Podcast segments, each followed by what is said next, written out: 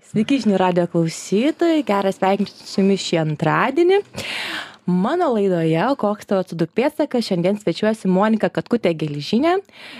Pristatysiu paprastai, programos vedliai įkūrėja, taip, bet Monika jau pati paaiškins, kas tai yra per programa ir kaip tai, ką jinai kūrė, yra susijęs su tvarumu. Mhm. Tai labas, Monika, dar Labas. kartelį. labas, labas, didelį iššūkį iš karto tokį. Iš, uždė, uždėjau tą Mhm, kartelę. Taip, taip, taip. Bet, Monika, kodėl iš esmės tu esi čia, kiek vedu laidą, esu girdi, kelis kartus girdėjus mintį, kad verslai, kurie kūrėsi šiuo metu, iš savęs kartais jau būna tvarūs. Tai yra, jiems nereikia bandyti tvaresniais, jie jau yra tvarūs. Todėl, kai paskaičiau tavo interviu, na, tavo mintį ar idėją, kad Mhm. tau svarbu kurti tvarų verslą, galvojau, va tai yra tai, ko aš ieškau, ką noriu pakalbinti. Tai kas tau yra tvarus verslas? Mhm. Aš nežinau, ar daug esu apie tai galvojusi, gal taip žinai, natūraliai kaip... Em, Vat, tu gerai pastebėjai, kad atrodo kartais, kad jau tiek besikūrentis naujos kartos verslai savaime tokie yra dėl kažkokio tai vidinio moralinio kompaso, Mhm, kuris e, tave paskatina iš vis pasukti verslą. Nes man atrodo, kad pati, pats tikslas verslo iš principo yra spręsti kažkokią tai problemą, o ne papildomas problemas kurti. Mhm. Tai man, man verslas iš principo yra kaip priemonė tvariai spręsti problemą dideliam kiekiu žmonių. Tarkim, jeigu kalbant apie technologinį verslą, tai, tai aš manau, kad mes gyvenam pasaulyje, kuris per šimtmetį paaugo nuo 2 milijardų iki 8 milijardų žmonių. Ir labai, labai tikėtina, kad, kad problemas, kurias spręsim, turėsim rasti tvarius būdus, tvarius prieinamą kainą, sprendžiančius realias, realius iššūkius ir dideliam kiekiu žmonių. Tai, tai labai did, turim didelius uždavinius, kaip a, tie žmonės, kurie kūrė verslą. Ir a, skaidrumas ir toksai moralinis kompasas yra turbūt netgi dar svarbesnis šiuolaikiniam a, verslininkam, nes jie yra labiau matomi. Um, ir kita to medalio pusė yra tai, kad yra labai didžiulė atsakomybė ir didžiulis krūvis, nes tarsi jie ir taip jau prisima labai daug atsakomybės už tai, ką daro. Tai va šitoj vietoj dar, dar nesu savo atsakiusi, ką tai reiškia kurti tvarų verslą, bet iš principo turbūt man kaip žmogui, kokius aš sprendimus savo gyvenime dabar priminėjau, tai yra, kad vis dar išliktų tvarus mano pačios gyvenimas. Dabar galvoju, ar klausti, kas yra tvarus tavo pačios gyvenimas? Ar paklausiu, gerai, paklausiu, tai kas yra tvarus tavo pačios gyvenimas? Tai, kad mano, man, tie dalykai, kurie man iš esmės svarbus ir galėtų būti prioritetais, turėtų iš vis galimybę. Pavyzdžiui, e, aš esu mama, tai e, nuolat, nuolatinis toksai ryšys ir bendravimas su savo vaikais. Tai aš, tarkim, arba tiesiog patogesnė logistika gyvenimo, kai ne tik fiziškai tu neišsitampęs, bet ir nervų sistema yra apriepianti tavo gyvenimo būdą. Pavyzdžiui, tai mes su šeima išsikrasim gyventi į pajūrį, į mažesnį, tiesiog kompaktiškesnę erdvę, nes aš jaučiausi, kad gyvendama didmestį nebepriepiu savo gyvenimo. Tiesiog tiek daug mažų dalykų, kurie nebesutelpa į mano vidinį žemėlapį. Tai čia buvo mano irgi toks pasirinkimas, bet kartu suvokiant, kad aš nenoriu atsisakyti savo svajonių ir didelių tikslų, kurių m, turiu su savo verslu.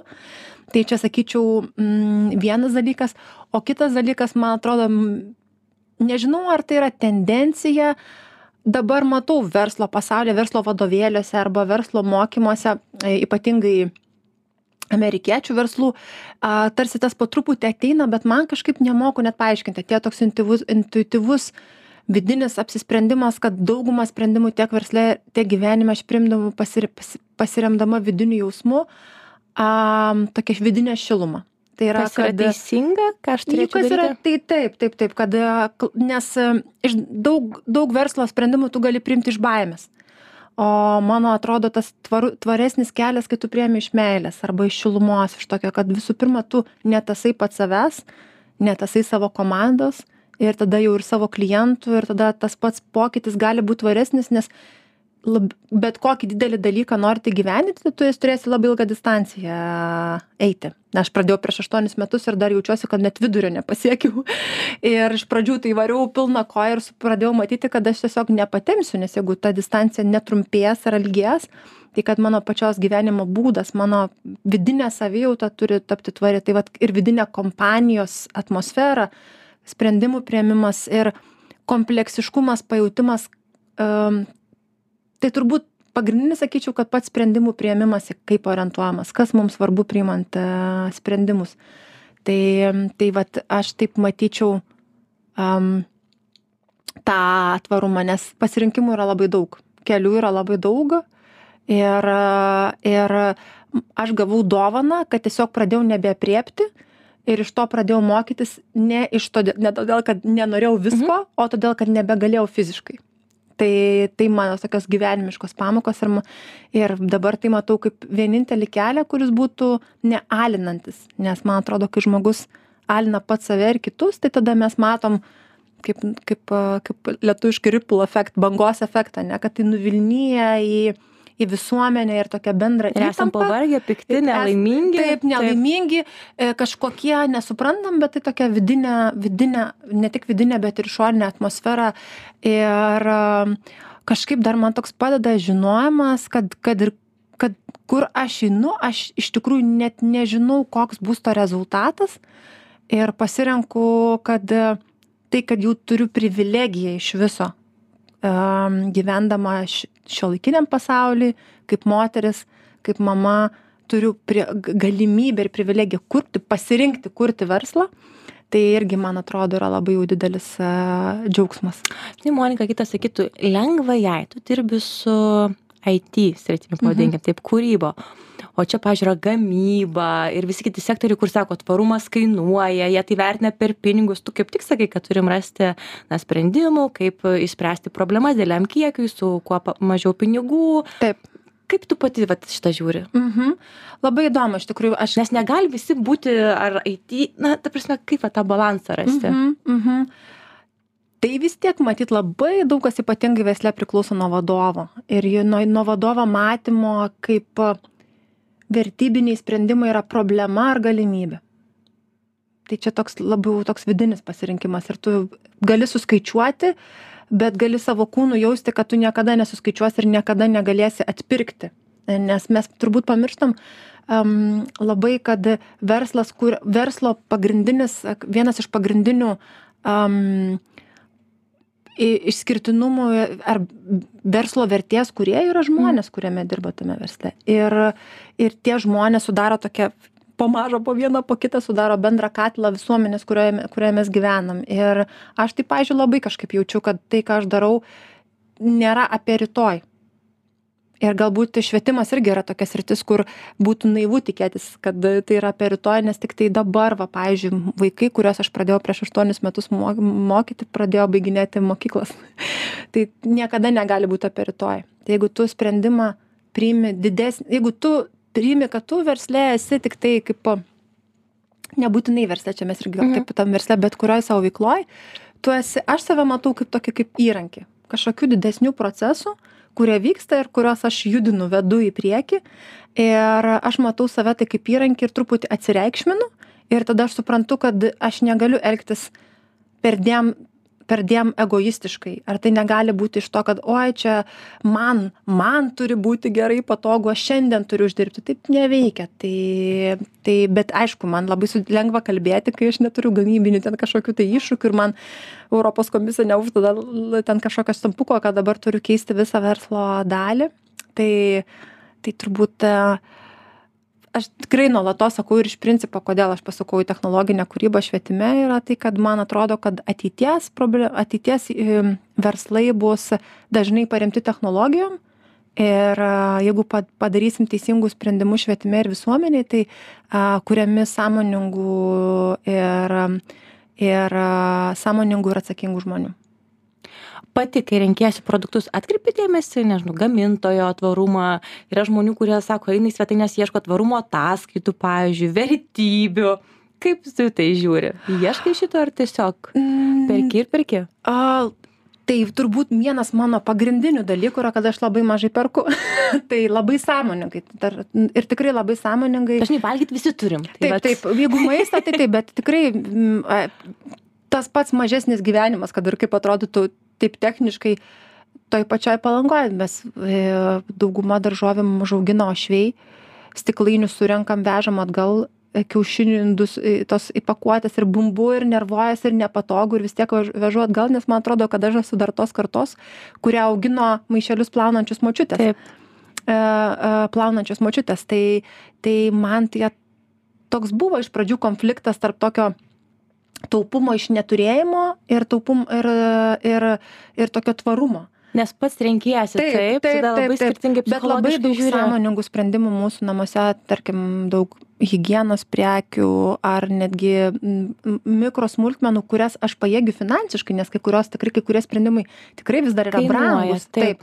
Tai tikrai labai stengiuosi ten iš suyrančių medžiagų naudoti ir panašiai. Tai irgi yra mano tikrai labai didelė mano galvojimo dalis, bet kažkuriuo metu irgi pasijautė kaip didžiulis, didžiulis svoris ant kupros, ne, ypatingai kai tu kaip mama, tu bandai čia viską teisingai ir, kaip, ir, ir neišeina tiek daug žmogų. Taip, Monika yra dar ir trijų vaikų mama. Taip, taip. Bet čia toks labiau, kad, kad šiaip, kad man atrodo, kad tvarumas yra ne vieno žmogaus uh, kuprinė. Tai mūsų yra visų bendras indėlis. Ir, ir, mm, ir toksai nėra taip, kad uh, mano vienos mažesnis vartojimas išspręs kažkokius tai iššūkius. Taip, taip, taip, bet man truputėlį ramiau. ir vienintelis dalykas, kuo aš galiu kliautis, kad daugie žmonių, kuriem tai skauda. Ir šiandien, kai beje buvom e, e, skaitmeninių prototipų verslų mūgiai, kurios kūrė 5-8 klasių moksleiviai su savo mokytais, tai čia daug buvo pilotinė programa.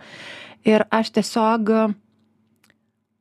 aš esu rami nes vaikai kurie auga jie nekelia šitų sau klausimų Bet klausimas, ką mes jiems paliksim, Taip, supranti? Mes jau, man atrodo, irgi, kaip sakant, nes jie bus į to į darbo rinką ateis už 6-7 metų, tai jie mus žiūrės kaip į neandertaliečius. Taip, taip, taip, kaip senovės žmonės, kurie net nes, ne, ne, nesirūpino to, bet aš manyčiau, kad Lietuvoje, kad ir kaip mes tenai norėt, kad ir kaip galvotumėm, mus visgi tam tikra prasme tas sovietmetis ar toksai sunkesnis ekonominis periodas iš tikrųjų išgelbėjo. Mūsų taupumas kur yra mūsų kraujyje vis dar yra tokia viena iš tvarumo mažiau vartoti taip. taip. Ir kai tu sakei pradžioje apie verslus tuos kad mes e, savaime esam tvaresni tai irgi atėjo iš tam tikro trūkumo nes pavyzdžiui startuolių pasaulyje dauguma startuolių kuriuos dabar matom kaip vienaragius klestinčius ir panašiai pradėjo praktiškai jokio finansavimo neturėdami, nes mes kažkokie ten technologijų kuriai Baltijos šalyse, kas čia tokie.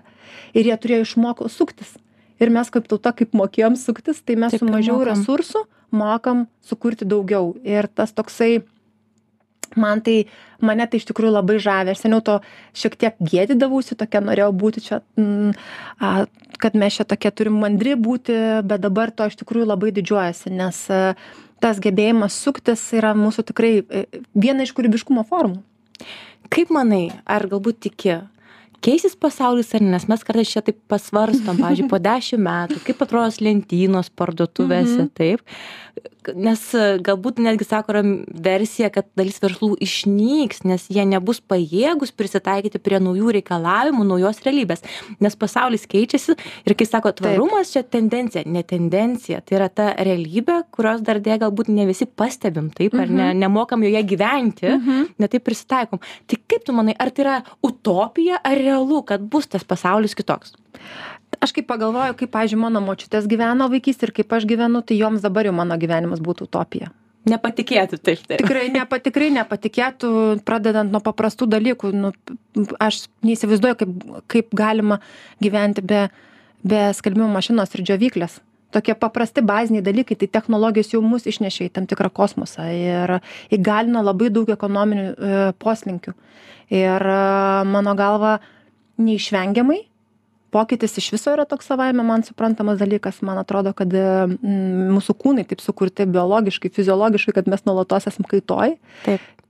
Tai o su verslais tai kaip ir man atrodo visur. Ta prasme išliks arba tie kurie gebės labiausiai prisitaikyti ir atrasti save iš naujo arba išmoks užbaigti laiku kad kažką naujo pradėti. Tai čia toks irgi mm, įsikibimas yra aš suprantu jo kodėl ir tikrai turiu viduj savo to kad tokio įsikibti kad bet tuo pačiu kuo tu labiau laikaisi tuo tau yra skaudžiau tas a, ta, tame pokytyje būti. Bet mes turime suprasti kad šita karta jie neturi nostalgijos tam kaip mes gyvenom ir jau šita karta kurie pavyzdžiui mano vaikam vyresniesiems yra dešim tai o tiems kuriem dabar nulis ar metukai jie taip pat nes turi nostalgijos kaip tie dešimtmečiai gyveno ir pokytis yra tikrai tikrai didžiulis tai man atrodo, kad technologinė prasme lab, labai labai keisis socialinė dinamika. Man, va šitas labiausiai turbūt mane Mhm. gazina, kaip išlikti, išlaikyti tą žmogiškumą. Kaip išlikti žmogumi technologijų eroje, kitaip Taip, tariant. tai technologijų pasaulyje, kur yra labai patogu tiesiog gyventi transakcijoje, vienoje tokia skaitmininiai transakcijoje. Tai, tai va šitas turbūt mane dalykas a, šiek tiek neramina, bet tada ateina COVID ir viską pas, sutvarko ir išsprendžia ir parodo, kad nu, mes vieni be kitų tai esam tiesiog a, negalime egzistuoti, mes visgi esam socialūs ir tai va utopinį pasaulį. Dar žinai, yra tokia mąstytoja e, Monika Bielskytė, e, kuri, kuri kalba apie tai, kad mes labai ribotų utopijų pasirinkime gyvenam. Nes jinai pasako apie tai, kad daugumą mūsų utopijų arba įsivaizduojamo ateičių mes atsinešam iš tokių e, 60-ųjų, 70-ųjų fantastų vyrų rašytojų sukurtų knygų. Arba filmo, ne? Ir visas katastrofas, kurias įsivaizduojam, yra tokios armagedoniškos ir ateitis įsivaizduojam, kur ten skraido mašinos ir panašiai. Bet mes neturim įvairovės ir matėme, kokias ta ateitis galėtų būti. Tai mane, mane žavi pats tas e, mokymasis priimti įvairovę. Nes me, kai kalbam, tas pats Davidas Attenboro kalba, kad kad mūsų didžiausias iššūkis klimato kaitoje yra ne kažkas kitas, bet kad įvairovės sugražinimas arba biodiversity, tos bio įvairovės sugražinimas. Tai ta bio įvairovė nėra, gamta, gamta nėra kažkokia kitokia atskira bio įvairovė nuo mūsų pačių. Nes mes esam patys jos dalimi. Taip, ir mes patys, kai pradėsim vieni kitų Mm. Įvairovę švesti labiau, tai me, mums bus lengviau visą tai primti ir ieškoti kartu tvaresnių sprendimų.